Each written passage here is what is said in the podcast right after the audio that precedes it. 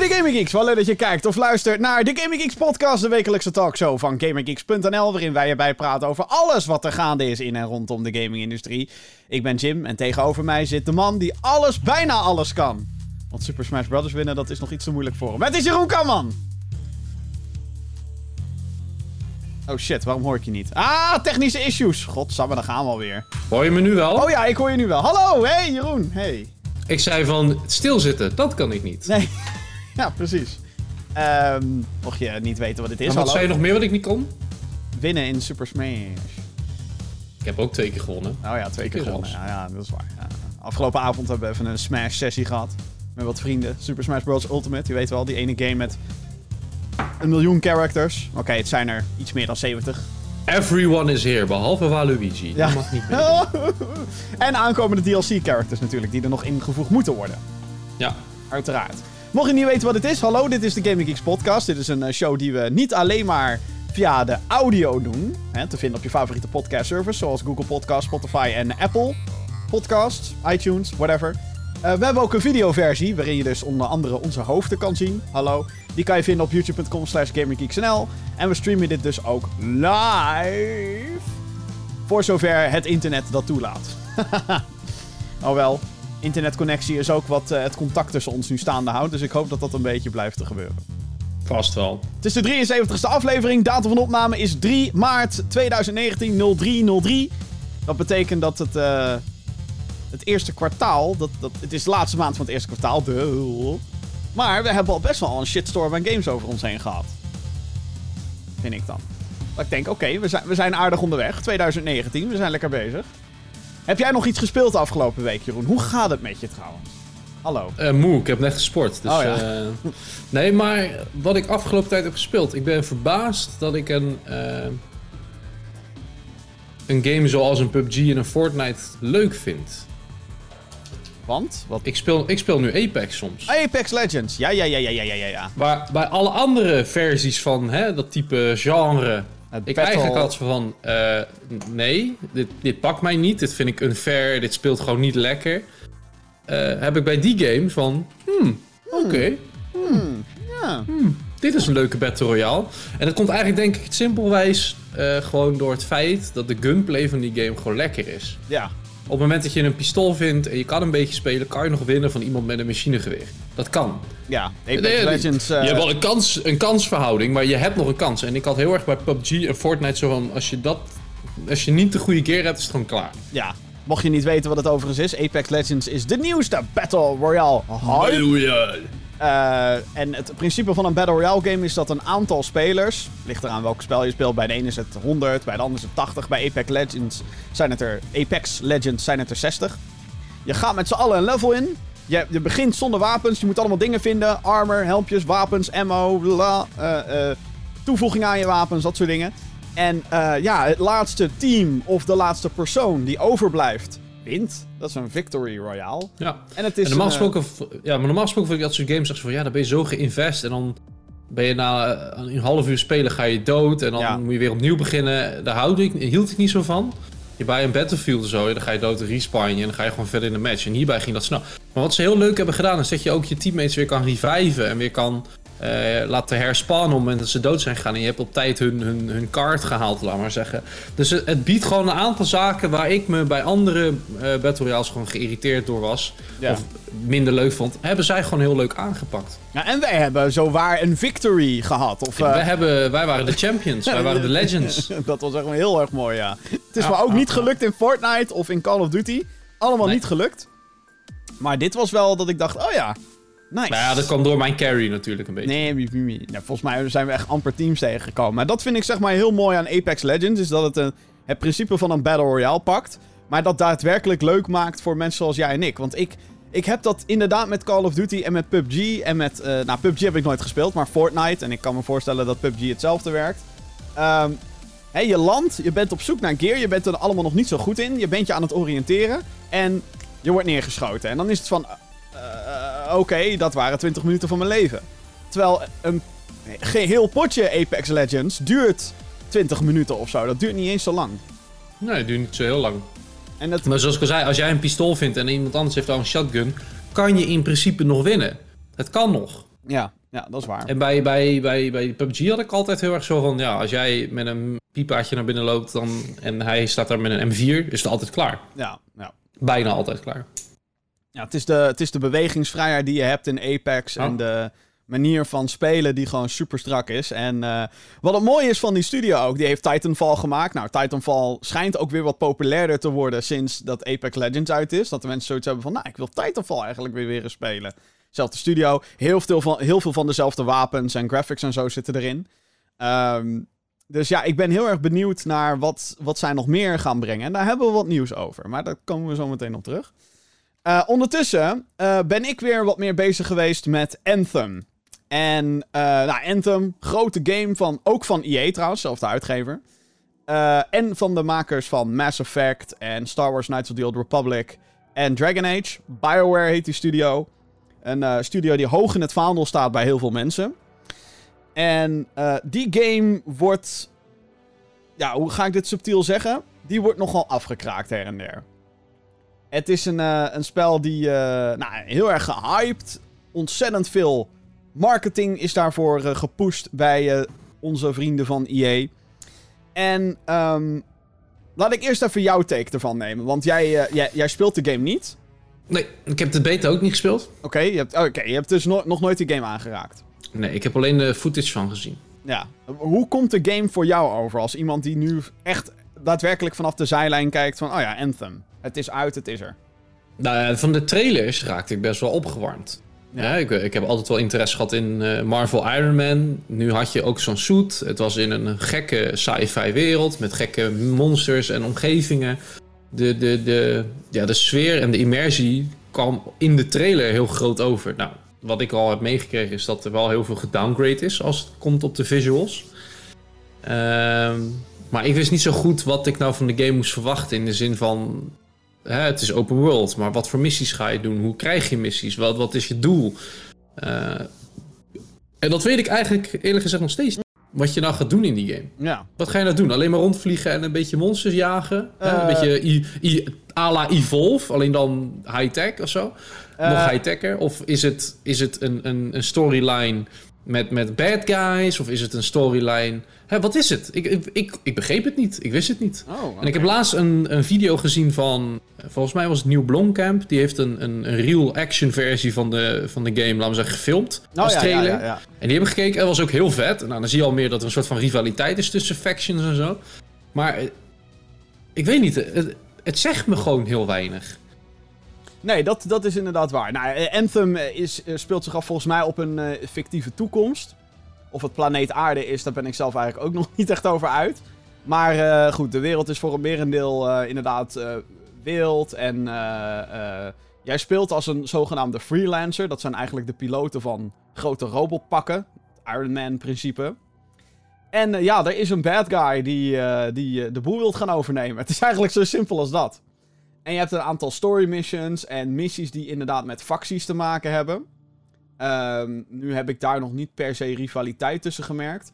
Maar je hebt wel heel duidelijk de good guys en de Dominion. En dat zijn dan. En dat is het slechte leger met de bad guys. En "Rrr, ik ga de wereld overnemen, want. eh." En dat heeft allemaal te maken met. ehm, ja, een, een grote kracht die de wereld verbindt. En die alles heeft gemaakt zoals het is. En dat is dan zogenaamd de Anthem, zoals ze dat noemen. Beetje vergelijkbaar met de grote.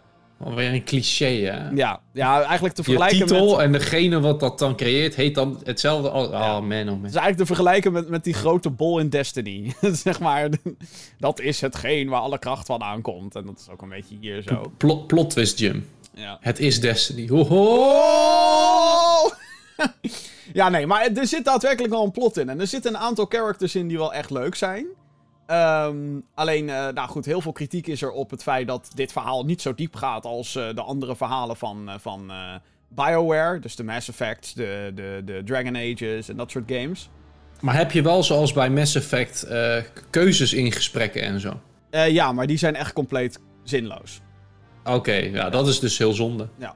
Maar Ja. weet je, in, in een game als deze, want het is een looter shooter, dus je, je vliegt. en Een je- looter shooter, dat, komt, ah, dat rolt lekker van de tong af. Ja, ja, je vliegt rond en eh, eh, nou ja, je, je, je Javelin, zo heet, zo heet die pakken, die, die kan je upgraden en eh, hè, kunnen andere wapens equippen en andere skills equippen en dat soort dingen.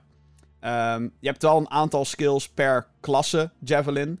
Dus je hebt een, eh, een, een stereotype, eh, de Ranger heet die, en die heeft een granaat en een soort van homing missile standaard. En die kan je upgraden. Eh, je hebt een Colossus, die heeft een dik vet groot schild. Dat is een beetje de tank van de, van de vier. En ik speel nu met Storm. Dat is een soort van. Eigenlijk de, de wizard type van, van de, van de Storm. robotpakken. Hoor ik daar de X-Men, hoor ik daar copyright?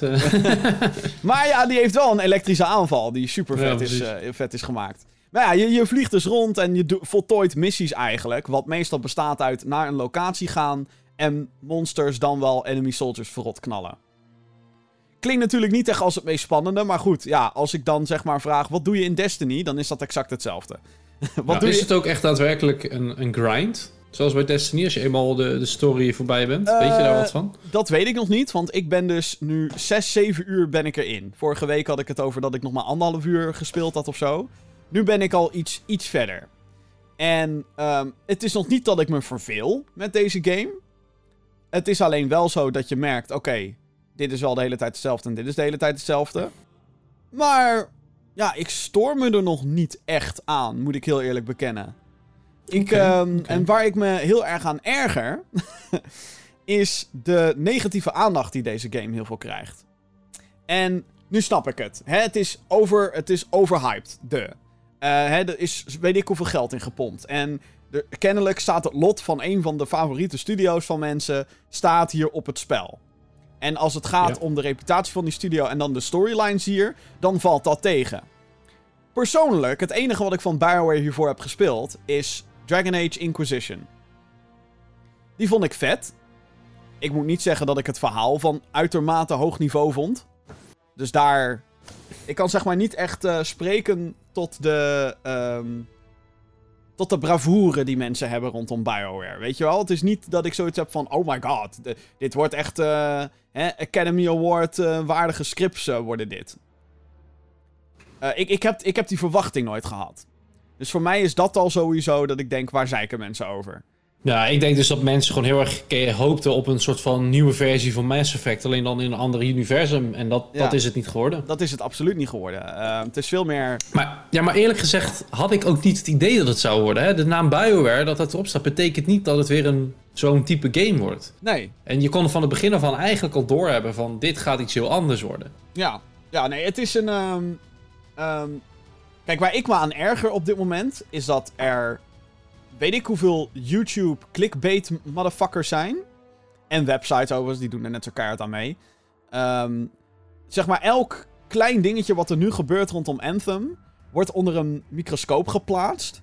En wordt op een negatieve manier wordt dat, ehm, gepubliceerd.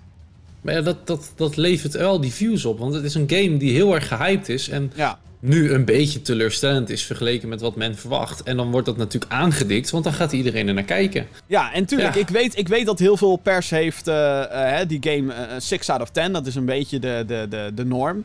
Ehm, ik snap waar het vandaan komt. Weet je wel, en ik snap ook in die zin dat het teleurstellend is. Maar ehm, ik denk ook dat het echt een kwestie is van wat voor verwachtingen had je bij dit spel. Want ik ja, ben mensen hadden gewoon verkeerde verwachtingen. ik, denk, ik zit te spelen en ik denk, nou ja, kijk, het is, nee, het is niet baanbrekend. Ik heb weet ik hoeveel dingen aan te merken. Ik bedoel, de storyline is stereotypisch als fuck. Er zijn niet heel veel vijanden. Eh, de, de, de, ik vind de loot nog een beetje, zeg maar, onduidelijk. En eh, de- wereld is best leeg. Als in, het is fucking mooi, maar het is best leeg. Eh, zeker als je door free play gaat, waarbij je dus zelf een beetje kan ronddwarrelen en... en een beetje kan. eh, eh, random events kan doen en zo. Ja, dat is inderdaad wel dat je denkt. hmm, ja, eh, waarom kom ik niks tegen? Weet je wel, waarom gebeurt er niks? Maar goed, ik, ik bewaar die judgment voor een groot deel ook nog omdat ik hè, nu 7 uur erop heb zitten. Dat is nog niet. de storyline is volgens mij verre van uitgespeeld op dit moment. Ehm, maar ik heb een beetje het idee alsof er een soort schaamtegevoel nu over deze game heerst. Zo Nou, van, als je het leuk vindt, dat mag niet. ja, Zo van, hè, hoe durf jij Anthem goed te vinden? EA doet alles fout. Fuck BioWare, fuck EA, fuck deze game. Het gaat nooit meer goed komen. Het is allemaal doom en gloom op die eerder genoemde clickbait YouTube-video's en, eh, en websites. Die zeg maar hier dik vet van profiteren door deze game alleen maar af te kraken. Ja. Het, is, het komt zeg maar op zo'n niveau dat ik het bijna raar vind om nu te zeggen: ik vind Anthem tot nu toe leuk. En het is. eh, ik bedoel niet dat ik me daar wat van aantrek, zeg maar. Van, eh, nou, oké, dat is ook helemaal niet waar, anders had ik het er niet over. Maar het is niet dat ik hè, mijn spelplezier laat bederven door wat er gezegd wordt. Nee, je kijkt toch wel met je eigen ogen naar van Ja. wat vind ik ervan. Exact. Nou, En- en dat het niet perfect is, de, dat hadden we allemaal wel verwacht van een game van EA. Ja. Oeh, oeh. Oeh. Maar ja, weet je, daar kan je nog steeds lol hebben. Weet je, Battlefield is ook niet je van het, maar daar kan Ja. ik ook lol in hebben. Nou, wa- waar ik dus echt niet tegen kan, is dat op dit moment Anthem wordt neergezet als het slechtste spel ooit. Door heel Ja, veel ja. clickbaity YouTubers en sommige websites ook. Die zitten, oh, Anthem, het grootste drama ooit. De verkoopcijfers zijn motherfucking kut en bla bla bla bla. Terwijl we eigenlijk de uiteindelijke verkoopcijfers nog niet weten. Ik weet dat er zo'n nieuwsbericht is eh, van de Britse eh retailcijfers. Waaruit blijkt dat dan eh, eh, in vergelijking met Destiny slechts 10% van wat Destiny verkocht in zijn eerste week. Dat is Anthem verkocht in de retail. Dat is niet veel, nee. Alleen denk ik wel dat je dingen in perspectief moet plaatsen. Onder andere dat Destiny uitkwam voor PS3, Xbox 360, eh, PS4 en Xbox One. Eh, dat, ehm eh, hoe heet het? Dat toen digitaal veel minder geaccepteerd werd dan nu. Veel meer mensen kopen nu digitaal. En zullen de verkoopcijfers tegenvallen van Anthem ongetwijfeld. Weet je wel, ik bedoel, de, de, de, de, die berichten komen ergens vandaan natuurlijk. Alleen maken mensen het altijd erger dan dat het is.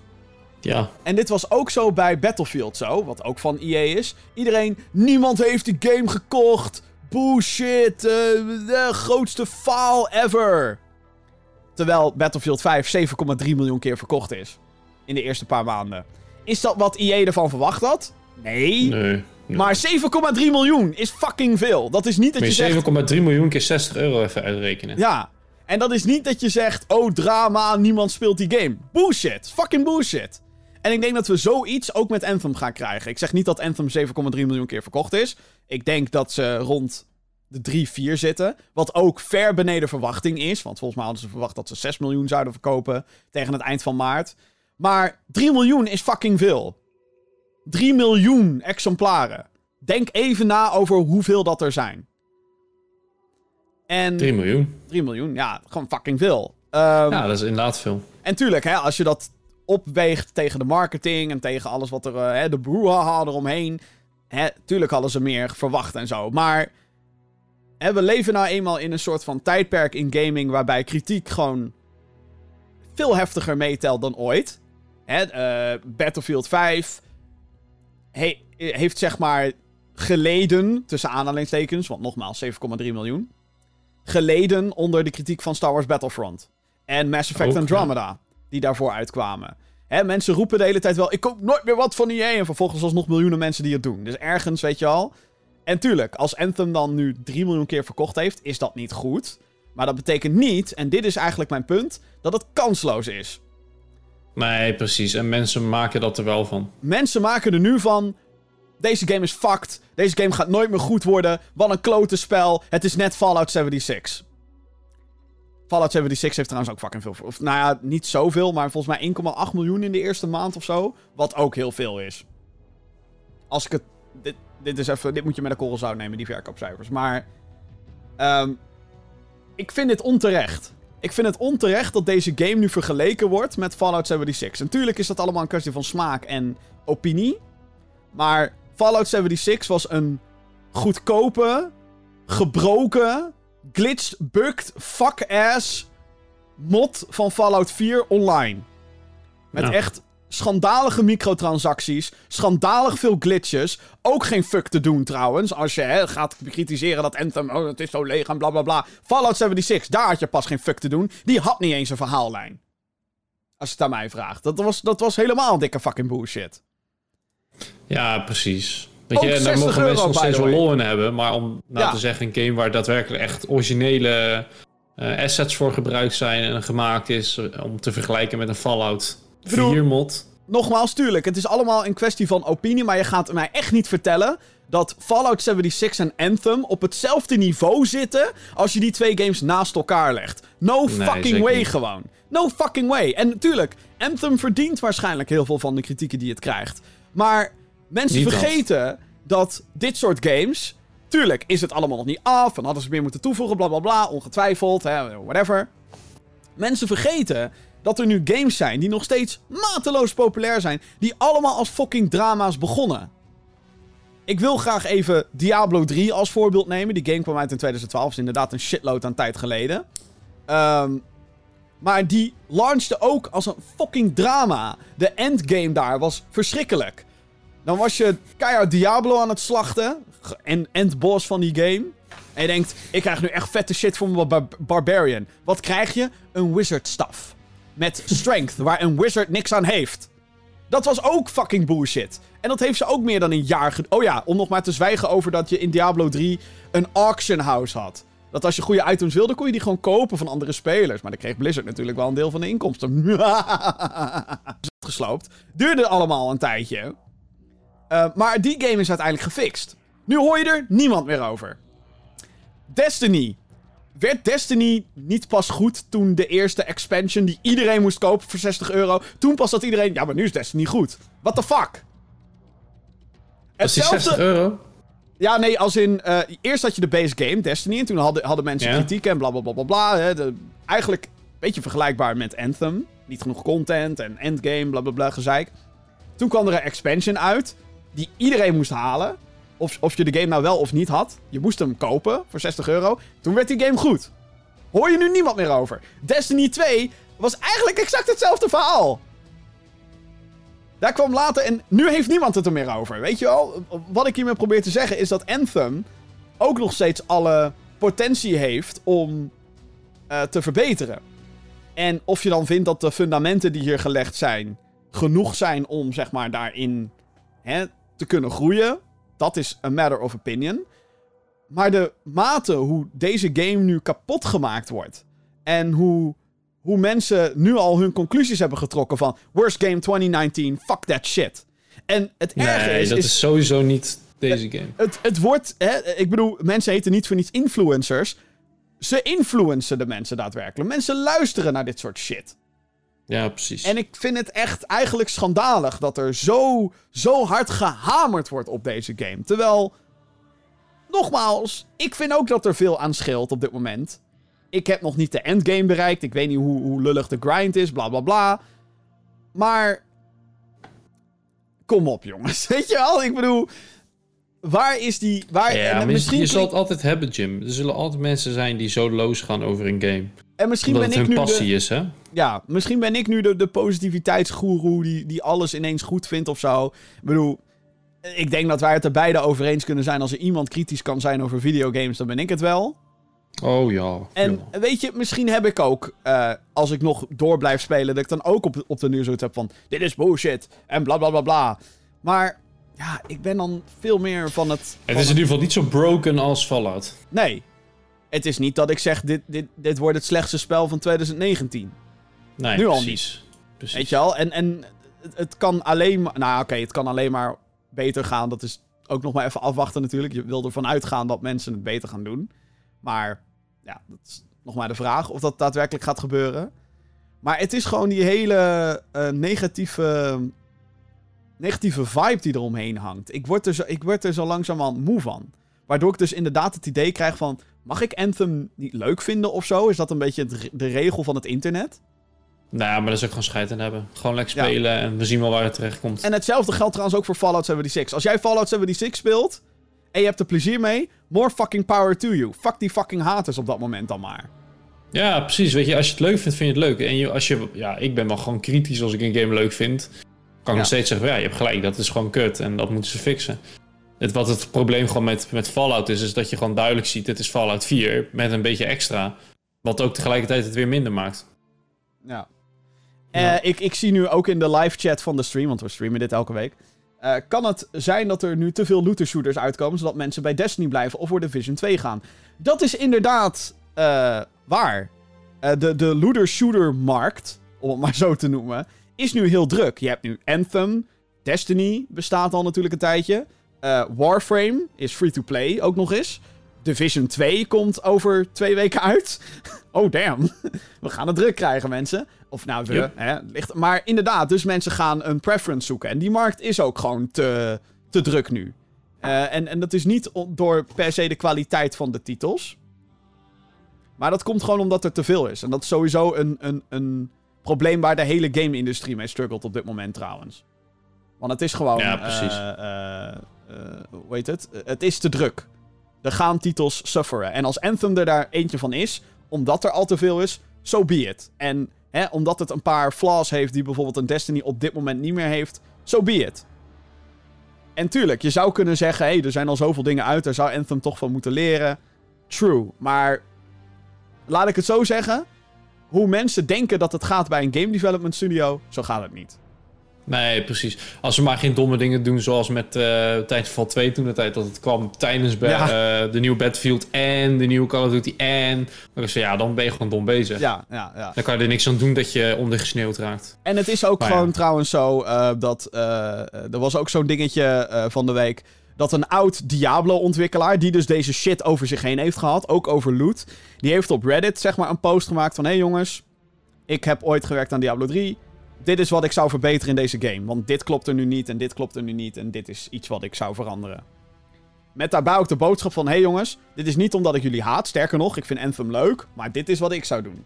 Als iemand die er Ja, ervaring precies. mee heeft. Als iemand die Diablo 3 heeft, zeg maar, teruggehaald naar wat het had moeten zijn. In eerste instantie. En daar werd eigenlijk heel positief op gereageerd. Ook door BioWare, zeg maar. Die ontwikkelaars, die hebben tot nu toe daar eigenlijk best wel goed over gecommuniceerd. Over dat er, hè, dat, hè, ja, we gaan dit verbeteren. En ja, we willen, weet je we nemen je feedback en blablabla. En dan kan je natuurlijk zeggen, ja, maar playtesters. En, eh, het gaat altijd anders, trust me. En het is, het- laat ik het zo zeggen. Ik, op mijn Origin teller staat nu 7 uur. Ik heb het prima naar mijn zin met deze game. Is het de meest revolutionaire shit? Absoluut niet. Wordt het de beste game van 2019? Nee, ook niet. Maar, hè, een 6 out of 10? Weet ik niet. Ik hou niet van cijfers, want dan krijgen we dat hele, die hele discussie weer over... ehm, hè, wat is nou een cijfer of niet? Er zijn websites die die game een 7 out of 10 hebben gegeven, maar dan in de verdict zetten... Ik zou het niet aanraden. Wat de fuck is een 7 out of 10 dan? Weet je, dan krijg je die hele fucking discussie weer. Volgens mij was dat IGN Benelux die dat eh, had gedaan. Ja, dat sloeg ook helemaal nergens op. Dus ja, het is... eh, Positief cijfer geven, een, een voldoende, maar wel zeggen, doe het niet. het is toch een beetje gek. Oké. Dus ja, Maar tot- ja. Tot, zover mijn rage over de publiciteit rondom Anthem. Ja, die was eh Anthem, eh, of eh, podcast vullend hoor. Ja, Zo. tering. Dat was een Anthem op zichzelf. Sorry, ik zit nu ook naar die, naar die, naar die tijd van de recording te kijken. Mijn excuses. Oké, laten we het snel over andere dingen gaan hebben. Zometeen gaan we het hebben over Pokémon. Want er is een nieuwe game aangekondigd. En de Call of Duty Modern Warfare 2 remaster zit er aan te komen. En uiteraard gaan we ook nog de mailbox lezen. Eh, heb jij vragen voor de show of commentaar of alles wat ertussenin ligt? Mail naar podcast.gamergeeks.nl En dan eh, gaan we dat... Zolang het maar geen bestellingen met eten zijn, die hoeven we niet. oh ja, dat is waar, ja. Ehm, we gaan het even hebben over eh, games die nog slechter worden ontvangen dan, dan Anthem. Kan dat? Ja, het gebeurt. Het gebeurt. kan dat? Ja, het kan, dames en heren. Eh, want eh, er is grote problemen voor de studio Starbreeze. Dat zijn de ontwikkelaars en uitgever. eh, eh, of uitgevers, ja, uitgever en ontwikkelaar. Nou, whatever. Eh, ze staan bekend om onder andere The Chronicles of Riddick, The Darkness en Payday. Payday is denk ik hun grootste succes geweest. Afgelopen november brachten zij in samenwerking met een studio Overkill. eh, na een hele lange ontwikkeling die meer dan vier jaar heeft geduurd. Overkill's The Walking Dead uit. Dat is een eh, co-op shooter. Die zich plaatsvindt in hetzelfde universum als de populaire stripboekenreeks en televisieserie. Ehm, de game, ontwikkeld dus door Overkill, werd kapot gemaakt bij de release op PC. De AI was super slecht, de graphics outdated, had lange laadschermen, veel glitches en geen ingebouwde voice chat. In een co-op game, goed bezig. De titel werd in november uitgebracht, wat op zich natuurlijk ook al een hele drukke periode is en niet verstandig. Eh, ehm, daardoor wist de game amper aandacht te krijgen, waardoor nieuwsgierige, eh, nieuwsgierige spelers bang waren dat de console-release voor PlayStation 4 en Xbox One geannuleerd zou worden. Verder vertrok de CEO van Starbreeze na hevige kritieken en ging los over het personeel van het bedrijf, die zijn leven en de game geruineerd zouden hebben. Na maanden van onzekerheid is de kogel nu dus door de kerk afgelopen week. Skybound Games, die de rechten beheert over The Walking Dead, heeft gezegd alle banden met Starbreeze te ontzeggen, omdat er kwaliteit beloofd werd die niet is nagekomen. Quote, was dat? De console release is geannuleerd. Uh, sterker nog, de game is nu zelfs van Steam verwijderd. Hierdoor lijkt het onvermijdelijk dat Starbreeze ten onder zal gaan, aangezien dit geen goedkope game is geweest om te maken. Beide partijen hebben nog niet gereageerd op verzoeken of gedupeerde klanten hun geld terugkrijgen of niet. Want ja, als je een co-op game hebt en de game is niet langer beschikbaar, dan kan je playerbase echt alleen maar krimpen. Dat is dan de enige mogelijkheid die er is. Als er iemand überhaupt die game nog speelt dan. Um, dit is, vind ik, een hele interessante kwestie. En dat het komt... is uh, wel pittig, ja. Ja, en dat komt omdat deze game dus zo slecht is qua kwaliteit, schijnt. Ik heb het niet gespeeld, maar goed, als ik naar de beelden kijk, dan denk ik ook, oei. Uh, jongens, het is, nou, toen de game uitkwam, het is 2018, wat hebben jullie gedaan? Uh, Laat ik met een hele simpele quote zeggen, er zat potentie in, maar die potentie kwam er niet uit. Nee. Um, ja, laat ik, laat ik dit zeggen. Um, want dit is een, een, een kwestie die ik heel, heel interessant vond moeten slechte games verwijderd worden? Omdat ze slecht daar, kan ik heel, daar kan ik ook heel simpel in zijn. Nee, slechte games moeten niet verwijderd worden. Want op het moment dat jij een game gekocht hebt... Uh, en hij wordt bijvoorbeeld in dit geval de studio erachter wordt gekend... Mm -hmm. Dan moet je er maar desnoods bij zetten van er komen geen updates meer voor deze game. Wat je ziet is what you get. Ja. Maar je kan eigenlijk niet een product wat mensen gekocht hebben helemaal offline halen. Nou ja, laat, ik laat, kunnen laat mensen die hem hebben, kunnen die er nog bij? Ja, die kunnen er nog bij. Dat is, uh, die kunnen er nog bij. Dat is een soort van standaard regel van Steam. Uh, ja. Van, hey, je hebt hem nog, dus... Uh, ja, het is dan lastig, hè? In, in hoeverre... Kijk, er zijn ook situaties in verband met rechtezaken en kwesties... waar die ook offline wordt gehaald. Ja. Is dat dan fair? Ja, nee, eigenlijk niet. Maar aan de andere kant verboet je wel ervoor dat mensen nog... een, een slechte game kopen. Dus een soort van... Quality ja, assurance. Hè? Quality assurance. Ja, ja ik, denk, ik denk dat Steam er wel zelf goed aan zou doen. Om een soort van baseline, een soort van checklist te maken. Van wanneer mag een game bij ons komen en wanneer niet. En dat doen ze natuurlijk ook al uh, deels. Een soort van, ja. Um, een soort van, ja, als je naar sommige type games kijkt uh, die in de, de donkerste krochten van, van Steam verstopt zitten, dan, uh, dan denk ik ook veel komen die erop. Maar ja, weet je, want wie, wie is nu de verantwoordelijk om die game van Steam af te knikkeren? Nou, in, in principe volgens mij Skybound, die heeft de rechten tot The Walking Dead. En die heeft volgens mij gezegd: we hebben alle banden verbroken en uh, wij willen niet meer dat jullie deze game gaan verkopen. Dus het zijn de. Ja, nou, dan, dan is dat. Die hebben dus gewoon ervoor gezorgd in dit geval. Dat ook Skybound niet meer. Of uh, dat Starbreeze niet meer de kans krijgt om zich te redeemen, laat maar zeggen. Nee, nee. Hè, wat jij net heel mooi uitlegde over Anthem en over Destiny. Van in het begin was die, oh, waren die ook niet goed. Waren die ook slecht. En dit is natuurlijk nog even een niveautje lager. Maar ze krijgen niet eens de kans om, om, uh, om zichzelf te verbeteren. Ja, ja. Ik weet niet hoe lang het gespeeld heeft. Ik weet niet hoe lang het al bezig was. Ja, ik weet dat ze lang bezig waren met de game maken. Maar ja, Weet je, ja, waarschijnlijk even lang als, als Anthem ook, als we alles bij elkaar optellen. Ja, nee, maar als zo'n rechterhouder, rechten, rechtenhouder uh, zegt van ja, nu is het klaar. En die trekt gewoon de stekker eruit. Ja, ja. dat is best hard. Ja. Maar is het uh, van, hè, uit uh, principe van... Laat ik het zo zeggen, uh, want ik, ik, ik ben zeg maar heel erg van het... Ja, jeetje straks is die game gewoon niet meer te spelen. Die is nu eigenlijk al voor heel veel mensen niet meer te spelen. Want ik kan er nee, niet meer bij. Uh, nee. In het kader van zeg maar, het behouden van videogamegeschiedenis. Ik weet dat ik nu heel erg heftig, alsof deze game nog maar een belangrijk deel is van videogamegeschiedenis. Misschien juist dankzij deze reden wel. Maar is dat ja, hij, is no hij is nooit retail te gekregen, hè? mogelijkheid om te krijgen. Er is nooit denk, een disc-versie van geweest of zo. Ik, nee, ik denk het sowieso niet. Nee. Het nee, is nee ja, weet je, dat... vroeger was het ook zo dat games die op een bepaald moment een bepaalde leeftijd hadden, werden niet meer gedrukt. Ja, dan ben je klaar. Dan kan je ze niet meer makkelijk krijgen. In dit geval kan je de game helemaal niet meer krijgen. Ja, ja. degene die hem hebben, net als met een PT bijvoorbeeld, die hebben geluk. Die kunnen misschien nog voor een paar tientjes extra doorverkopen. Hun Steam-account of zo. Nou, PT was op PlayStation, dus dan moet je ja, die tuurlijk, dat was op PlayStation, maar dat was wel hetzelfde effect. Op een moment was het helemaal gone en kon je wel mensen hun PlayStation overkopen waar die op stond. Ja, sterk, Kijk, sterk. dat was een hele vette game. Dit is ja, wat minder stoer. ja. Ja, sterker nog, uh, het erge van PT is... Kijk, dit, als je bijvoorbeeld uh, deze game nu hebt, Overkill's The Walking Dead...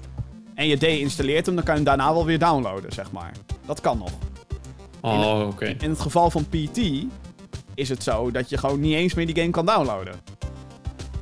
Lees, ik heb een PlayStation 4 met PT erop. There's no way dat die harde schijf ooit ooit. Ik ga er niks meer mee doen. Dat is gewoon heilig. Maak, maak backups, Jim. Mocht die schijf ooit kapot gaan. Eigenlijk wel, ja. Dat moet eigenlijk wel doen. PlayStation is straks duizenden euro's waard, ja, maar dat is gewoon het hele ding. Het is soms heel moeilijk om te zeggen van wanneer heeft een studio het recht om een game te, ja, te verwijderen. Dus wanneer heeft een Skybound Games het recht om te zeggen, ja jongens, jullie zijn vier jaar bezig geweest het is klaar. Nou, ik zou zeggen, als ik die Skybound zou zijn geweest, van ja, hij is nu uit. We hebben eisen hoe jullie het gaan opknappen. En als jullie dat niet doen, ja, dan hebben jullie een boete aan je broek. Maar nu worden er meer mensen dan alleen uh, Starbreeze uh, gedupeerd met het hele feit. Had dan uh, na drie jaar gezegd, jongens, dit gaan we niet worden, stoppen ermee. Ja, ja is, dat, is dat ook een beetje waar jouw grens dan zeg maar zou liggen? Want waar ligt jouw grens van te slecht dat het weg moet? Zo, jezus. Te slecht dat het weg moet. Ja, ik vind het altijd voor mezelf heel moeilijk. Want als ik kijk naar een game die ik slecht vind, uh, wat vond ik echt een kut game? Moet ik even goed gaan nadenken, waar heb ik echt niet van genoten? Zo. Ik speel namelijk echt games die ik leuk vind. En anders heb ik echt zo van, ja. shit. Welke game vond ik nou echt slecht? Ja, daar moet ik echt even over nadenken. Ah, ik weet niet echt slecht vind. Maar als ik een game echt slecht vind, dan vind ik het niet dat omdat ik hem heel slecht vind, dat iemand anders hem uh, niet meer mag kopen of spelen. Ja, of het kijk, moet echt, echt heel slecht zijn. Weet je wat het ook is? Kijk, dit is geen game die zeg maar uh, uh, controverse heeft gezorgd qua het... Het is geen hate speech. Dat zit er niet in. Het is, nee. de game werkt. Ja. Oké, het, het, het werken van een game is een beetje subjectief, maar de game start in principe op. Je kan het gewoon spelen. Het is niet alsof de game dusdanig broken is dat het je hele PC vertiefd maakt en zo. En het is, uh, van wat ik ervan begrijp, speelbaar in de zin van het draait. Ik weet nog heel goed dat uh, Warner Brothers Batman Arkham Knight de PC-versie van, van Steam had verwijderd. ja, die port. Die ook gewoon fucking slecht was. Um, hè, voor de e- en, en die snap ik dan wat meer. Omdat voor de de ene persoon werkte het wel. En voor de andere persoon werkte het gewoon totaal niet. Het was onspeelbaar. De game crashte om de havenklap. En dat, was, dat, zat, dat lag aan het spel. Dat lag niet per se aan de PC's van mensen. Nee, precies. Maar de reden daarvan dat hij offline werd gehaald was ook van ja, we verkopen een game, maar we kunnen niet eens garanderen dat mensen hem kunnen spelen. Ja, exact. Ja. En, en dan is het gewoon van ja, we moeten dit fixen. Want anders zijn we uh, eigenlijk simpel gezegd illegaal bezig. Want dan geef dat zou hetzelfde zijn dat iemand een auto koopt en dat hij de volgende dag niet eens start. Ja. Weet je, van, van en de een wel, de ander niet. Nee, daar zit een kwaliteits. Uh, ja, eis aan van het moet minimaal gewoon zo lang werken. Ja, en, daarom zo'n game moet minimaal kunnen starten en kunnen draaien. Ja, en daarom vind ik het in die zin eigenlijk onterecht dat deze game verwijderd wordt. Ja, eens. En tuurlijk is het een kutspel en moet je mensen ervoor behoeden om, die, om, die, om, hè, om je 60 fucking euro hierin te douwen. Maar daar heb je toch reviews voor? Ja, nou, exact. Daar heb je reviews voor. Hè? Mensen zoals jij en ik die mensen waarschuwen van doe het niet. Want deze game is gewoon je geld niet waard. Ja. En als ze dan door de jaren heen die game hadden verbeterd en daar hun geld mee hadden verdiend, dus noods free-to-play gegaan, weet ik veel wat je allemaal kan doen. Dan hadden ze misschien nog een kans gehad om zichzelf boven het water te halen. Maar dat Skybound Game zegt uh, uh, nee. Ja, dat, dat vind ik niet netjes. Het is overigens wel heel grappig, want uh, het is mij een beetje opgevallen dat er een soort vloek lijkt te heersen rondom games gebaseerd op The Walking Dead. Um, zo was er in 2013 een game, Walking Dead Survival Instinct. Waarin je als Daryl en Merle speelt. Oh ja, ja. Uh, die game flopte keihard. Sterker nog, Robert Kirkman, de bedenker van The Walking Dead, die heeft gezegd: Nee, deze game bestaat niet in mijn ogen. dus dat is ook al erg. En we hebben natuurlijk dat hele fiasco gehad rondom Tell Walking Dead. Waarin het vierde seizoen, het laatste seizoen, bijna niet werd afgemaakt. Omdat dat bedrijf naar de kloten ging, Telltale. En dan nu dit, zeg maar. Dus het is. Eh, eh, waardoor overigens ook al die shit van Steam uh, uh, verwijderd werd. Is nu op de Epic Game Store, dames en heren. dus er schijnt een soort vloek te hangen rondom The Walking Dead en videogames. Nou ja, ik denk ook dat mensen een beetje langzaam vermoeid beginnen te raken van zombie games. Jazeker. En, en ik zit nog steeds te wachten op echt een hele goede. Ik denk dat Resident Evil 2, de remake, wel echt een hele goede zombie game Ja, is. of dat nou echt een zombie game, zombie zombie game nee, is, is natuurlijk... het is eh, een, een maar- zombie game in de zin van een puzzle-adventure game. Ja.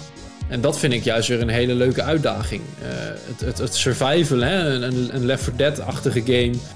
Ik denk niet dat je daar gauw nog eh, mensen heel blij mee maakt. Er denk komt Left 4 natuurlijk ook 3 nog- zal ik wel echt heel blij mee worden. Maar Ja. En er komt eh, een World War Z game komt er nog aan. Of die heel goed gaat worden, dat weet ik niet. Het ziet er wel Ja, maar ook heel eerlijk gezegd, de serie van The Walking Dead, daar beginnen mensen nu ook langzamerhand volgens mij wat minder interesse in te Ja, krijgen. ja, Tenminste, ik wel. Ik heb zo van, nou ja, ik ben bij eh, het seizoen waar die man met die knuppel tevoorschijn kwam, daar ben ik gestopt. Gewoon naar de eerste aflevering. Ik heb niks meer gekeken ervan. Dat was het fluitje van Negan, by the way. Ja, precies. Maar daar heb ik niet meer naar verder gekeken. Want ik heb Oh, echt zo van, ja jongens, shit. seizoen 1 hadden ze een doel. Ze wilden overleven, ze wilden oplossing. En nu elk, elk seizoen denk ik van, waar, is nou het doel gebleven? Je gaat van plek naar plek en dan gaan mensen dood en je wilt re- revenge. Ja, oké. Maar waar gaan we nou heen? Ik Wat moet heel eerlijk nou zeggen, ik ben, eh, ik ben halverwege seizoen 9 ben ik eh, ook soort van afgehaakt. Ik, Ja, hier, je bent gewoon drie seizoenen, twee seizoenen bijna verder. Ja, nee, ik, ik had zoiets van, ik ga The Walking Dead kijken. Er zit vast nog wel wat goeds in. En steeds minder wordt het goed. Maar dat komt ook omdat, Ja. weet ik hoeveel castleden weggaan. En dan, ja, moeten ze toch... Het duurt gewoon te lang. Het duurt gewoon veel te lang. ja, ja, ja, ja, ja. En dan moet er toch soort van hè, een einde gebreid worden aan zo'n character. En dan denk je, ja, dit is wel heel erg geforceerd. En dan, ah, Ja, precies. ja, goed. Ehm, Oké, dan gaan we naar de headlines van de afgelopen week. En dat zijn er eh, weer heel wat. Eh, oh ja, allereerst moeten we het natuurlijk gaan hebben over Pokémon. Pokémon, Pokémon. Eh Pokémon, ben jij een beetje van de Pokémon? Ik ben niet zo van de Pokémon, het spijt me man. Ik vond de Oh. eerste series en de, en de kaartgame vond ik altijd wel leuk. Maar ik heb op de Game Boy nooit die games gehad. Oh, oh echt nog nooit. En ik heb ze al nee? een klein beetje gespeeld. En ik moet zeggen, eh, op de Nintendo 64 had je natuurlijk Stadium en zo. En dat vond ik allemaal best leuk. Maar het raakt me niet zo erg als dat eh, het jou en de mensen die hier ook in dit pand wonen raakt. Want als ik nu zeg van ik ben niet zo van de Pokémon, dan hoor ik Vincent eigenlijk al bijna screechen. Ja, precies. Eh, nou ja, goed nieuws voor die Poké-fans, want er is een nieuwe aangekondigd. Eh, Gen 8 Pokémon Sword and Shield komt naar de Nintendo Switch. Dat is dus de achtste generatie in de mainline RPG games. Willekeurige gevechten met wilde Pokémon die keren terug. En er is een nieuwe regio, de Galar Region, die inspiratie lijkt te halen uit een industrieel Groot-Brittannië. Althans, dat is wat ik er een beetje uit kreeg. Eh, de drie starterbases zijn ook al bekendgemaakt, eind 2019 dus, naar Nintendo Switch. En er komen ook wat bekende bases in voor, zoals Pik Pikachu, sorry. Eh, die komt er ook weer. Jo- Joepie. Het ziet er voor mij weer uit als de zoveelste Pokémon game. Ehm, ja, het, het, het, lijkt gewoon niet heel veel nieuws te doen of zo. En voor Ja, heel het veel krijgt mensen... een grafisch boostje, Ja. maar de rest inderdaad... Ik, weet je, het is niet... Ik hoorde jullie... hè, gisteren waren we gezellig met z'n allen ook Smash aan spelen. hoorde ik ook uitspraken van... Ja, het is gewoon niet de RPG die we gehoopt hadden dat er zou komen. En dat heb ik ook. Ik, heb zo'n, ik denk als dat zou gebeuren... Ja, dan, dan kan je mij ook nog wel eens wel overkrijgen. Hè? Het eh, gevoel van dat je zelf Ash Ketchum in Pallet Town bent die op pad gaat om dat te doen. En dat heb ik met die andere games een stuk minder. Ja, ja. Het, het is net niet, maar misschien, weet je wel, als ik meer dingen te zien krijg, dat ik toch wel weer... Het, ik, ik heb nu al een aantal jaren dat ik ehm, geprikkeld word de hele tijd door Pokémon, maar dat ik dan net niet de keuze maak om hem te halen. Ja, precies. Maar dat zegt dus ook wel wat, dat ik al jaren zoiets heb van, nou, ik kan wel zonder. En tuurlijk, je kan in principe sowieso zonder videogames, maar daarna, wij niet. Ben je gek? Nee, er is altijd wel ergens een eh, game gespeeld worden. Zeker, zeker. Eh, het is bekendgemaakt dat we eindelijk meer te horen gaan krijgen over Star Wars Jedi Fallen Order. Op 13 april tijdens Star Wars Celebration zal de game onthuld worden. We wisten alleen tot dusver dat, er, dat die game komt. En dat was het eigenlijk. Ehm, en het, een beetje het verhaal. Dat zich af tussen episode 3 en 4 en Jedi's. Dat.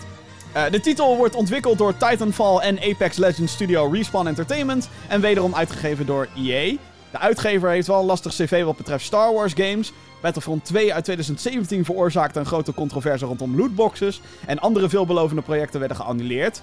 Er zal trouwens ook iets bekend worden gemaakt over Battlefront 2, die afgelopen week Anakin Skywalker als nieuw personage toegevoegd kreeg. Dus ja, 13 Weet je, april. waar ik, weet je waar ik heel blij mee ben? Nou, is dat dus met Apex Legends eh Respawn Entertainment heeft laten zien wat voor ballen ze hebben. Ja. Want die zijn best wel groot bij Apex Legends. Er is ook een heel interview gekomen dat, die, dat ze hebben gezegd van ja, EA had gewoon niks te zeggen. Ja, ja, Weet mooi, je, ja. wij, wij hebben gewoon gezegd, "Ja, zorg maar voor dat wij kunnen doen wat we willen doen. Ja, wij, En- zijn, wij zijn dan wel van EA, maar fuck jullie. Ja, nee, maar precies. En dat vind ik heel goed. En dat geeft mij een beetje het gevoel dat deze game diezelfde insteek gaat hebben. Van, hè, EA, je mag wel een beetje meekijken, maar je houdt gewoon je bek en wij gaan iets moois maken. ja. En daarna gaan we wel kijken naar marketing en dingen toevoegen eh, van hoe we jullie een beetje tevreden kunnen maken. Maar de oorspronkelijke game maken we zoals wij die zien. En dat geeft mij best een, een goed gevoel. ja, ik ben Van heel... dit, dit kan hem wel worden. Ja, ik ben heel benieuwd naar deze game. Die studio weet gewoon heel goed wat ze doen. Zij kunnen vette actie maken. Dat hebben we ook gezien in de Titanfall 2 singleplayer, die fantastisch is. Die was echt heel goed. Echt fucking goed. Ehm, dus dat, dat zijn positieve geluiden. Ehm, ja, ik, ik, ik ben gewoon heel benieuwd. Ik hoop gewoon dat dit echt gewoon eindelijk een Star Wars game is waarvan we zeggen... Hè, eindelijk heeft EA... steekt eindelijk een keer zijn geld in de goede zaken. En we krijgen een vette game. Want als ik door Battlefront 2 ook heen loop, denk ik... Hoe hebben ze nog geen fucking vette game gemaakt met deze fucking graphics? Holy shit, weet je al. Wa- Wat? Gewoon epic. Maar ja, dan moet Ja, die game ziet er gewoon heel goed uit. En, en is eigenlijk gameplay-wise ook super nice. Alleen ja, Ah, ligt eraan welke je kijkt. Vind ik. ja, tuurlijk. Want die Jedi lightsaber combat is echt alsof twee kleuters met stokjes naar elkaar aan het zwaaien zijn. Ik glitje dan half over het veld heen. Ondertussen hoor ik Jesper in mijn oor. Hé, hey, dit is zo vet! En dan zeg ik, jongen, ik snap hier helemaal geen tering van. Joh. Wat, eh, gebeurt er? Ja, inderdaad. eh, maar ja, ik, ik heb hier gewoon zin in. Ik hoop dat het goed wordt. Eh, 13 april dus, zet in je agenda. Want hey, Star Wars Celebration. Kans is ook heel groot dat we dan eindelijk een trailer gaan krijgen van Star Wars Episode 9. Oh my god. Hype. Ondanks dat ik de enige ben die dat vindt. Nee, ik heb ook wel hype voor de nieuwe film. Ik hoop dat ze even in een iets andere richting doen dan deel 8. Eh, ja, dat is natuurlijk wel het... Deel, deel 8 was niet heel slecht, maar het pakte me gewoon minder dan dat ik had gehoopt. Ja, ja. Je, je bent niet de enige die er zo over denkt, laat ik het zo zeggen. Ja, maar ja, er zijn mensen die zijn zo super negatief. Ik heb zo, nou, er zijn gewoon dingen die ze minder hadden mogen doen in die film en dingen die ze meer hadden mogen doen in die film. Ja, Wat ik bij deel 7 vond ik de sfeer gewoon perfect. Ja. Tuurlijk, je kan betwijfelen van, hè, lijkt het te veel of is het... eh, maar de sfeer was gewoon exact zoals ik hem wilde. En bij die andere was het net even te veel humor. En net te veel dat ik denk van, hier zitten gaten die er niet in hoeven te zitten. ja, ja. ja. I, I agree, I agree. Eh, de PEGI, de organisatie die games beoordeelt op welke leeftijdsclassificering ze moeten krijgen, eh, heeft gelekt dat er een Call of Duty Modern Warfare 2 remaster aan zit te komen. Eh, even kijken, de eerste Modern Warfare, die werd al eh, in 2016 geremasterd voor PC, PlayStation 4 en Xbox One. Deze was in eerste instantie alleen verkrijgbaar door een speciale editie van het deel van dat jaar te halen. Dat was Infinite Warfare. Later voegde Activision DLC en microtransactions toe. Eh, de, ehm, eh, ja, een aantal maanden gaan de geruchten rond dat, dat er dus een remaster gaat komen. En ook dat Modern Warfare 4 de nieuwe Call of Duty zou worden van dit jaar. Ehm, volgens eh, de PEGI, de Europese organisatie met die leeftijden dus, zijn zij degene die zeggen PEGI 12. Die dus bepalen, hey, deze game is voor 12 jaar en ouder, deze niet. Ehm, die hebben wel specifiek genoemd dat het Call of Duty Modern Warfare 2 Campaign Remastered gaat zijn. Dus dan zou het alleen om de singleplayer gaan. Ja, en dat vind ik niet gek, want als je gaat kijken naar die andere remaster, het was heel even leuk, maar die multiplayer heeft denk ik niet zo gescoord. Nou ja, het is natuurlijk best wel heel raar als je als Activision zijnde twee Call of Duty games tegelijkertijd gaat uitbrengen. Precies. Eh, in dat je, geval. je split heel erg de, de playerbase ook. Ja, en dan ook nog eens eentje die alleen maar voor zes maanden of zo te krijgen was voor mensen die sowieso de originele game kochten. En dat ze daarna de DLC. Het, het feit dat de DLC niet eens in de remaster zat, is natuurlijk al bullshit. De Variety Map Pack. En wat er erger eh, nog van was, is dat de Variety Map Pack voor het origineel was 10 euro dollar. De Variety Map Pack voor de remaster was 15 euro dollar. En daarnaast ook nog eens lootboxes microtransactions. Die er gewoon uit hun duim gezogen werden. Ja, precies. Het ging gewoon nergens over. Maar ik denk, ik moet wel heel eerlijk zeggen, leuk die singleplayer. Maar is het, was het nou zo goed dat ik dat nog een keer wil spelen? Ik Ja, denk het niet hoor. het- het ik zijn- denk dat mijn, zijn- oogklapje, mijn oogklapje en mijn, vlag met een, een skelet erop alweer bijna tevoorschijn gaat Oh, komen. Want waarom zou je dat kopen? Kijk, de remake van een, een Resident Evil 2 bijvoorbeeld. Mhm. Dan pak je de gameplay zin van hè, het verhaal van, van toen met de grafische kracht van nu. En een beetje jeu in de controls en, en hoe je het spel speelt. Maar hier, het is point-and-click shoot. Weet je, Eh, er is niet dat ik heb van dit moet nu geremasterd worden. Ja, het is vooral een beetje. ehm, eh, het is natuurlijk inderdaad opvallend dat ze alleen een campaign doen. Ik zat bijna te denken van. Het zou natuurlijk ook gewoon kunnen zijn dat. eh, want volgens mij he- heeft Activision bevestigd dat Call of Duty dit jaar een singleplayer gaat hebben. Ehm, ze hebben alleen niet gezegd wat. En het zou me niks verbazen als ze dit gewoon als een soort van pakket uitbrengen. Met, hé hey jongens, dit is Modern Warfare 4 met eh, nieuwe multiplayer bullshit. Oh ja, en we hebben Modern Warfare 2 eh, campaign eh, als remaster erin. Of je koopt alleen de multiplayer. De aparte klassi- klassificering vandaan komt.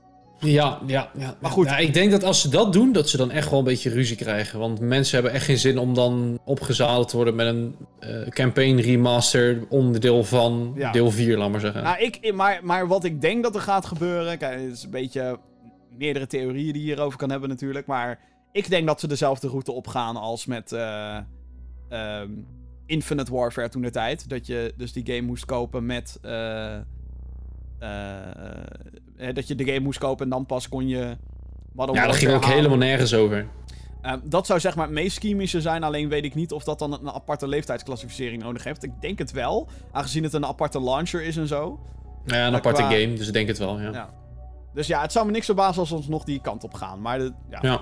dat moeten we af gaan wachten, denk ik.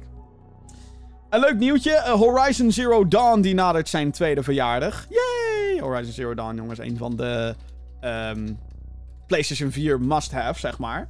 Ehm, Hollands Glory. Jazeker. Eh dat is niet de enige reden voor taart bij Sony en de Amsterdamse studio Guerrilla, Guerrilla Games. Ze hebben namelijk aangegeven dat de game nu meer dan 10 miljoen keer verkocht is. Wat heel fijn voor ze is. Dus Dat goed. is best lekker, ja. Voor gamers met een Switch die graag aan de survival horror willen. eh, met hè, Resident Evil 2 Remake die eh, onlangs is uitgekomen. Eh, het kan wel, alleen het kost je wel wat. Want Resident Evil Remake, dus zeg maar de Gamecube versie. Resident Evil 0 en Resident Evil 4. Die komen naar de handheld console hybride. Op 21 mei, mei zullen de titels digitaal beschikbaar zijn. Alleen ze zullen 30 euro per stuk gaan kosten. Voor oude Resident Evil games. Woe. Ja, er zijn het remakes. Evil 4, is dat de, rem de HD remaster of niet? Ja het, ja, het is gewoon de game op Switch, denk ik. Dus, ja. Ja, nee, je had er toen ook een HD remake van. Of een, een remaster met ja, een beetje meer ja, textures dat, en zo. Ja, dat was inderdaad gewoon alleen een high-res texture eh, gedoe. pack versie, ja. Ja. ja. 30 euro. Ik zou zeggen, had er 15 van gemaakt en had je veel meer mensen overgehaald. Denk ik. Per stuk inderdaad, ja. En dan, hé Ja. hey, jongens, we hebben een pakketje 45 euro hier alle games. Nou, alle Ja. games, drie. Drie games, ja. Die niet eens op elkaars volgorde liggen. Nee. Nou, ik vind het heel raar dat zij niet eh, ook meteen zeggen... Ah joh, pleur 5 en 6 erop. Dat hebben ze op de PlayStation 4 wel gedaan. Volgens mij kan je op de PlayStation 4... Nu met uitzondering van 3... kan je alle genummerde Resident Evils kan je spelen. Ja, want 0, 1, 2 remake dan nu. 3 nog geen remake, ook nog geen... Hè? 4, 5, 6. Die zijn allemaal PlayStation 4 te krijgen. Ik heb wel zin in die twee om die een keer op PC te gaan spelen. Ja, Ik denk dat ik die wel heel, eh, heel spannend, maar heel vet vind. Ik ben normaal gesproken heel slecht in dat soort games. Ik moet eigenlijk Resident Evil 4 op mijn PC ook nog maar eens een keertje een poging gaan doen. Maar eh, ik denk dat ik die games eh, wel leuk vind. Resident Evil 2 Remake is wel een dikke aanrader, ja. Zelfs op de PlayStation al, 60 frames per seconde, goed bezig. Capcom. Gearbox gaat op 21 maart tijdens PAX East een presentatie houden waar ze verrassingen voor ons hebben. Het lijkt om een Borderlands 3 onthulling te gaan, want waar de fuck moet Gearbox anders mee bezig zijn? Gearbox is dus de studio achter Borderlands 1, 2 eh, en de laatste jaren hebben ze Aliens Colonial Marines, flop, gedaan. Duke Nukem Ja, Forever. die ging niet goed, nee. Duke Nukem Forever, flop. En, eh, eh, hoe heette die andere game? Iedereen is het al vergeten. Ik weet het nog wel. Battleborn. Flop, flop. ja, het is, het is echt erg. Ehm, Gratis maandelijkse games, die hebben we ook weer. Want hey, nieuwe, maand, nieuwe maandelijkse gratis shit. Althans, eh, Xbox Live Gold, als je daar eh, geabonneerd op bent. Of PlayStation Plus, eh, als je daar geabonneerd van bent, krijg je gratis games. Xbox gamers die worden, worden blij gemaakt met Star Wars Republic Commando. Die is te downloaden van 1 tot en met 15 maart op de Xbox One. Dit was overigens een Xbox Original. Dus dat is wel cool dat hij nu op Xbox One speelbaar is. Adventure Time Pirates of the Enchiridion of zoiets. 1 En tot, Giridion.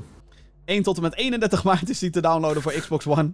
Metal Gear Rising Revengeance is te downloaden op Xbox One en Xbox 360 van 16 tot en met 31 maart. En Plants vs. Zombies Garden Warfare 2 is te downloaden op de Xbox One van 16 maart tot en met 15 april. Dan PlayStation gamers, die krijgen een stuk minder. Die moeten het namelijk doen met, hey, Call of Duty Modern Warfare Remastered. En The Witness. Dit is de eerste maand voor PlayStation Plus zonder PlayStation 3 en PlayStation Vita titels. Er lijkt geen vervanging te komen voor het ontbreken van deze games, wat ik persoonlijk bullshit vind. Je geeft ons jarenlang geef je voor drie platforms games. Dan besluit je op een gegeven moment, nou jongens, hè, PlayStation 3 en Vita zijn allebei een beetje dood. Nou, dat snap ik dan wel een beetje, maar hallo, doe dan nog even iets voor in de plek en niet twee games, what the fuck. Maar goed, Helaas. misschien ben ik wel een verwend nest, waarschijnlijk. Een beetje. Ja, een beetje maar.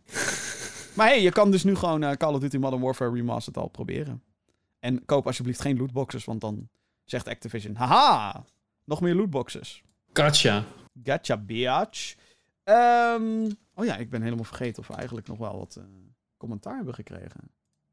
Dus ik ben net Gewoon leuke mailtjes, please. Leuke, leuke mailtjes, please. Geen commentaar, please. Oh ja, ja, ja, ik zie al mailtjes binnenkomen. Oh jee, jeetje. Podcast.gaminggeeks.nl, dat is de mail, het mailadres waar jij ehm, eh, alles kwijt kan. Commentaar, vraag, inlicht. Dus mail, de hele week is deze mailbox open.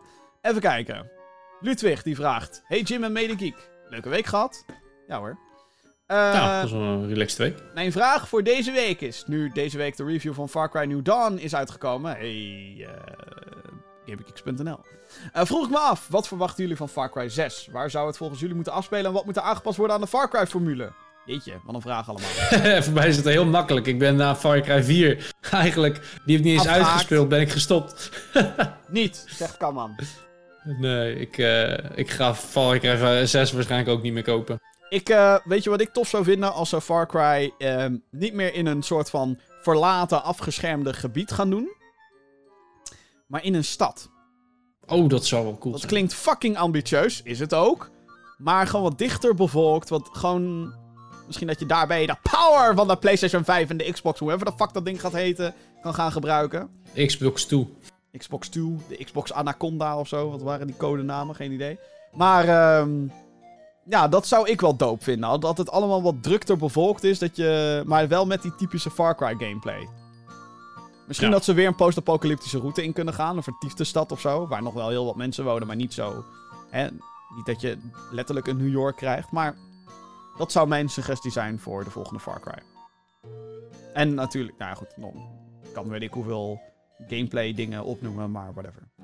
Ruben die heeft gemaild. Hey geeks, ik had een paar weken geleden weer een zin om een goed horrorspel te spelen, dus heb ik Outlast opgepakt. Een game ontwikkeld en uitgegeven door indie studio Red Barrels. Ik heb die gisteren uitgespeeld en vond het fantastisch. De game had een super enge atmosfeer en goede scares. En nu had ik de vraag wat jullie van de Outlast-serie vinden. En wat maakt een game nou een goede horror game? Nou, dat is dus een verkeerde vraag om aan Jeroen te stellen, denk ik. Nou ja, nee hoor, ik kan het heel goed uitleggen. Ik speel ze alleen niet zoveel. Jeroen is zeg maar... Als je... Dit is een leuk verhaal. We hadden één keer hadden we de tweede Amnesia of zo. Dit is heel lang geleden dit. De Oh tweede, ja, vijf minuten nog niet eens. De tweede Amnesia kwam uit en eh, Vincent die houdt ervan om ons allemaal bang te maken. Gamer Geek Vincent. Doet hij ook zonder games hoor. Gaat hij gewoon rondom Ja, eh, om een hoekje van een deur staan, laat hij me schrikken. en, Vindt hij, hij leuk. en dan, dan, ja, dan schrik ik me ook helemaal de labblazers pleuris. Ehm, maar eh, hè, Vincent helemaal... Oh, we gaan de nieuwe Amnesia spelen. hè. Wij zaten daar met z'n drieën in zo'n fucking donker kamertje. Nu gaat het heel smerig klinken. Eh, en jij ging spelen. En in het begin van de tweede Amnesia game zit je gewoon in een groot huis. En er is niks aan de hand. Zonlicht door de ramen. Het is niet eens eng. En dan gewoon ineens na vijf minuten, Jeroen... Nee, ik stop ermee. Ja, maar dat was heel simpel. Want het is zo'n game die met je, met, met je psyche gaat spelen. En dat kan ik niet handelen. Want Gewoon, je krijgt geen gun, je krijgt geen protection, je krijgt helemaal niks. Je loopt daar gewoon rond. En op een moment gaat dan gewoon uit het niets een deurtje dicht. Ja. Ja, en dan heb je hem al. Met die eerie geluidjes eromheen. En ik zo van, fuck that shit, mate. I ain't gonna do that. Ik kan mezelf niet verdedigen. Mijn normale, in mijn, in, hè, hoe ik in het echt ben. Als zoiets in mijn huis zou gebeuren. I'm out of this shit. I'm gone.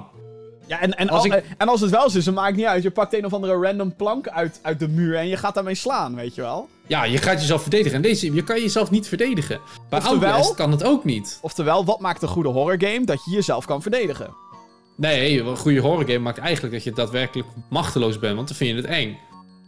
Ja, Als maar ik een gun vind- heb, kijk maar- naar Resident Evil, eh, die, laatste, eh, was 6 hè? Zeven. Ze- Zeven. Dan had je een gun. Het was wel allemaal beperkt, maar die game heb ik kunnen spelen. Hoe enkel bevan. Ik schrok me de tering, maar ik kon die beesten een klap teruggeven. Ja, maar dan is het dus nog wel eng. Het is nog wel eng. Dus maakt Maar- dat dan juist geen ja, goede oké, horror maar- game? Eh, wat maakt een goede horrorgame? Sfeer, psychisch eh, spelen. Geen alleen maar jumpscares. Jumpscares zijn gaar. Ja. Weet je, een keer een jumpscare is niet erg, maar je hebt van die games die echt alleen maar boe, boe, eh. Nee, daar hou ik niet van. Je moet echt wel legit een enge omgeving hebben. Legit een spannend verhaal. Ja. Hè, hoe, Resident Evil dat doet, dat is gewoon, eh, deel 2, de remake, is gewoon een hele spannende omgeving. Heel bek- bekrompen en, en, en claustrofobisch. moet dus je kan op maar- verschillende aspecten spelen met iemand zijn, zijn psyche, laten we zeggen, van wat maakt het eng. Bij Amnesia kan ik het niet spelen, omdat ik mezelf niet kan verdedigen. Maar wat eh, Resident Evil voor mij eng maakt, is dat je toch wel in een krappe situatie zit. Ja. Ik, eh, de Outlast-serie, eh, deel 2, heb ik niet echt gespeeld. Ik ben ook niet zo erg van die games, moet ik eerlijk zeggen. Dat hele machteloosheid. Ik heb zoiets van, jongens, ik wil niet alleen maar wegrennen voor motherfuckers. Ik wil ze ook gewoon weet je, een klap kunnen geven. En het feit dat je dat al niet kan doen...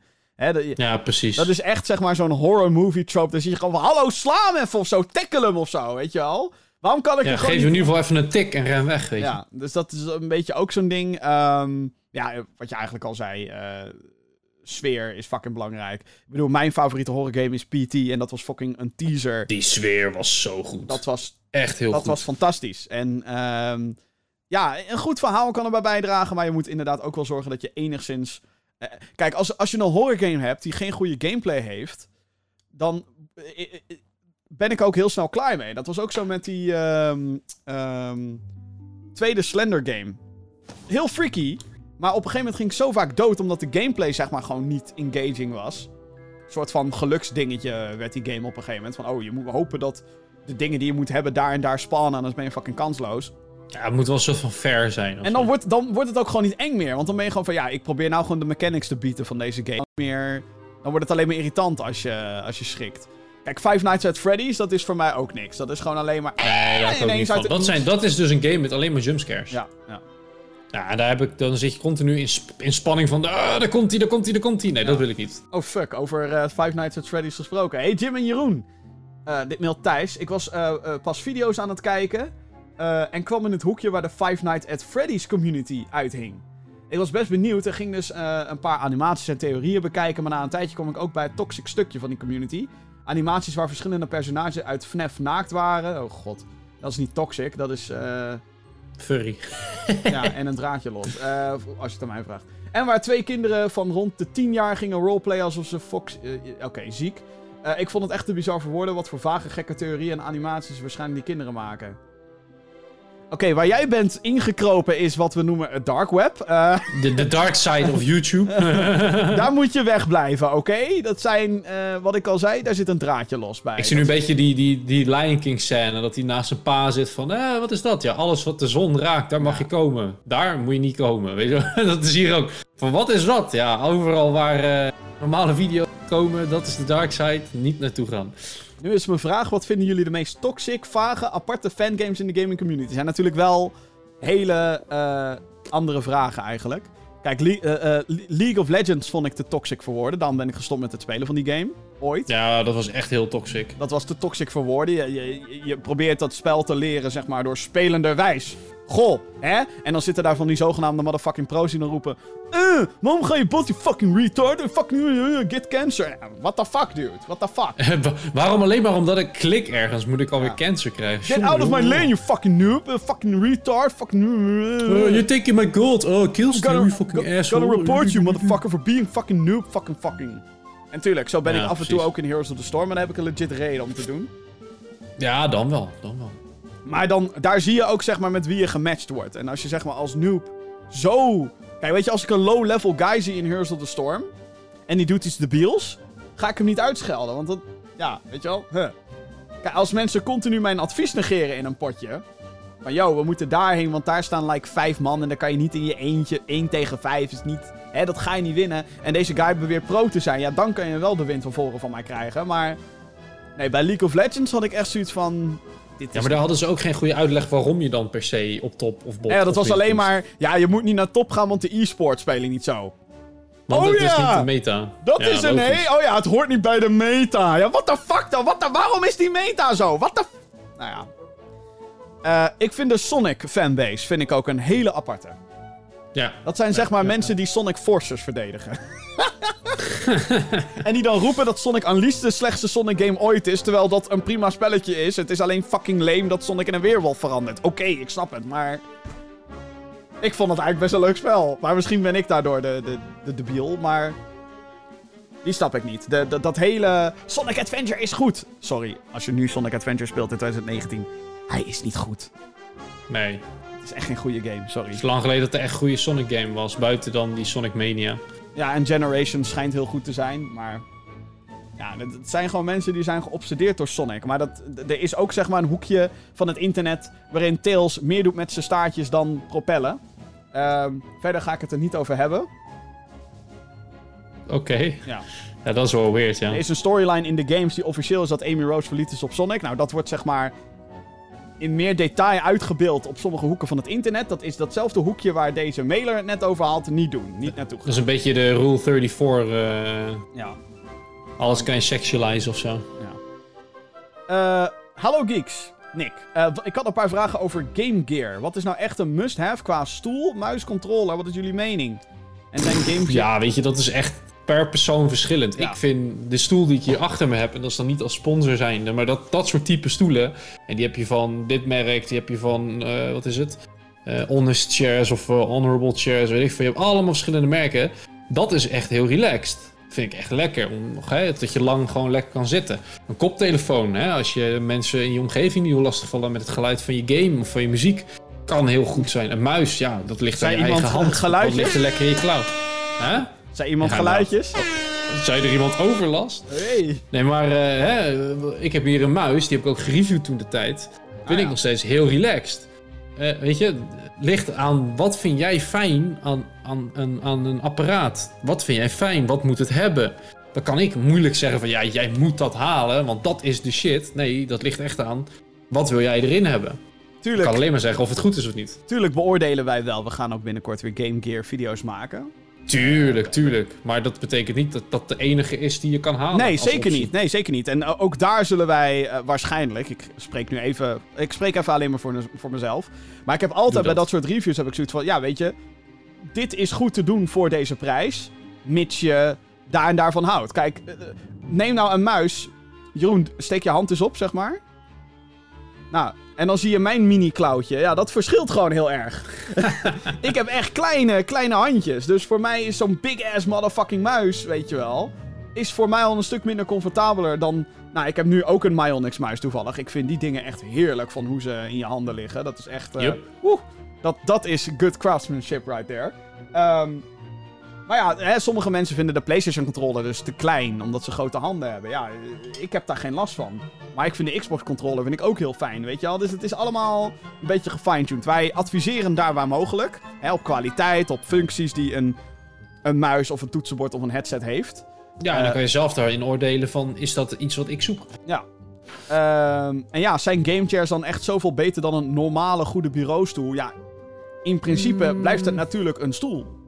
Het is een stoel. Ja, weet je, het is, dit zijn van die kuipstoeltjes. En die, die zorgen dat je op een bepaalde manier blijft zitten. En dat kan relaxed zijn. Doe onderzoek voor jezelf. Maar er zijn ook bureaustoelen. Kijk, ik zou niet zeggen, ik koop een, een tientje stoel bij de Ikea en hoop dat je de beste hebt. Nee, dat, Nee, dat, dat dat zeker niet. Maar ja, dit zijn stoelen van 400 euro. Ja, als je daar geen geld voor over hebt, ja, dan kan je voor 150 ook gewoon hele goede normale bureaus krijgen. Ja. Weet je, het is ook een beetje de naam en de stilo die het heeft, waardoor het zo duur is. Tuurlijk, ja. ja, ja. En een beetje de... eh, noem je dat? De, ehm, het aanzien online tegenwoordig. Ja, ja. en dat, ja. dat hebben ze heel slim gedaan. Maar ja, ook een stoel. Want ik heb in die dingen gezeten, die krengen. Zit fucking lekker. Dus ja, ik heb ook wel zoiets van... Ik zit nou ook op een normale, tussen aanhalingstekens, bureaustoel. Ja, ik wil ook wel zo'n stoel hebben. Het is alleen even een heftig prijskaartje. En eh, het zal wel goed zijn voor mijn houding, denk ik. Want... Oh, fuck. Je gaat Want er wel ja. lekker van rechtop zitten. Ja, inderdaad. en ik druk... Aan, normaal druk ik dan knopjes in die niet moeten. En dan krijg je dus dat soort geluidjes. Dat komt door zijn stoel inderdaad. Dat komt gewoon door mijn stoel, dames en heren. Ja. Eh, over geluidjes gesproken, ik moet er weer even eentje instarten. Want eh, we hebben weer een vraag gekregen van the one and only Helly. Eh, hoi hoi gamergeeks. In sommige delen van het land is het op dit moment van opname, 3 maart, 2019. Carnaval. Ik heb nu een beetje hoofdpijn. Welke soort games kan je volgens jullie het beste spelen met een lichte uitdroging door overmatig alcoholgebruik? Doei doei, Helly. Een spel waar je niet te veel hoeft na te denken. Die raad ik hem, dat- sowieso, die raad ik hem sowieso altijd aan.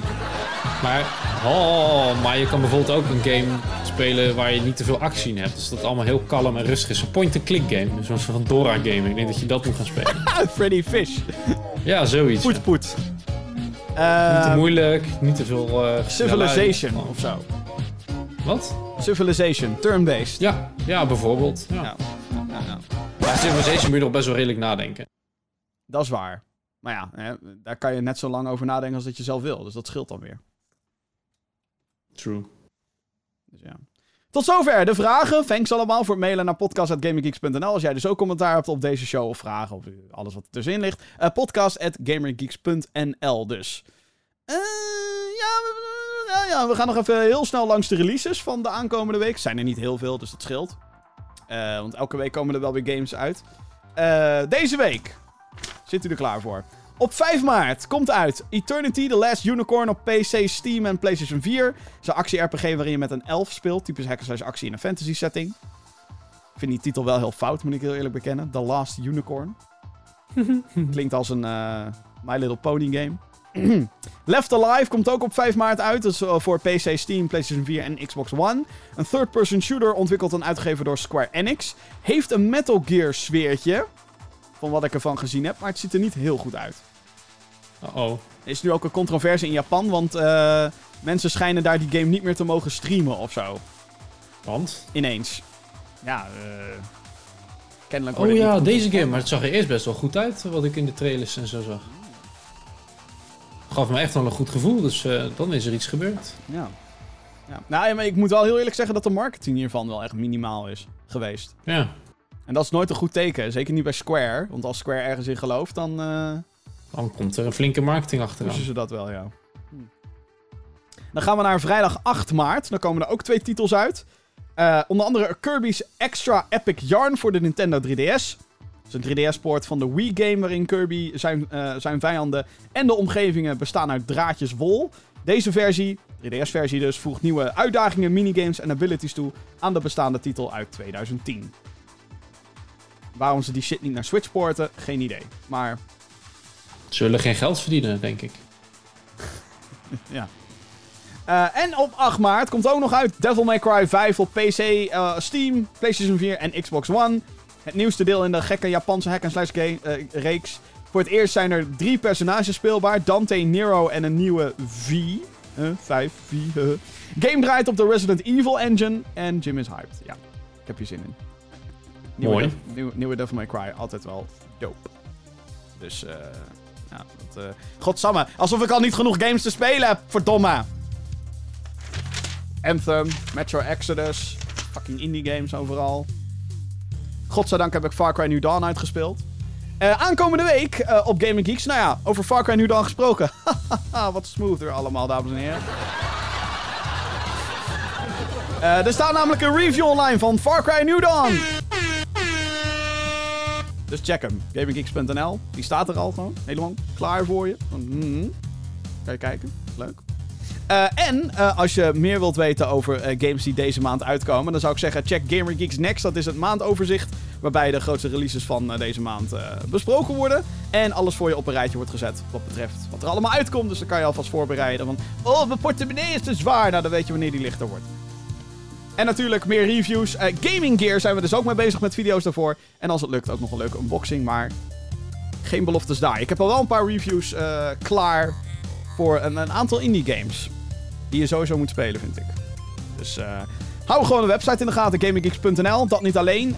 Abonneer op ons YouTube kanaal, youtube.com slash gaminggeeksnl. Daar is ook de videoversie van deze podcast te krijgen.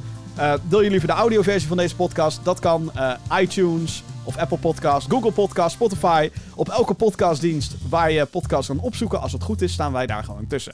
En zo niet, laat het me weten via podcast.gaminggeeks.nl. En dan wordt het gefixt. Ja. En eh, ja, verder natuurlijk gewoon eh, al- altijd onze website. is altijd de place to be, gamergeeks.nl. Goed, Dat was Gaming Geeks podcast aflevering nummer 73. Jeroen, dankjewel. Wederom. Alsjeblieft. Volgens mij gaan wij eh, weer aan de bak. Ja, We gaan dingen filmen en draaien en zo. Heel erg spannend. Althans, tot zo. tot zo. oh man. Eh, mensen, bedankt voor het luisteren. Dan wel kijken naar deze aflevering van de Gaming Geeks podcast. En tot de volgende. Doeg! Doeg!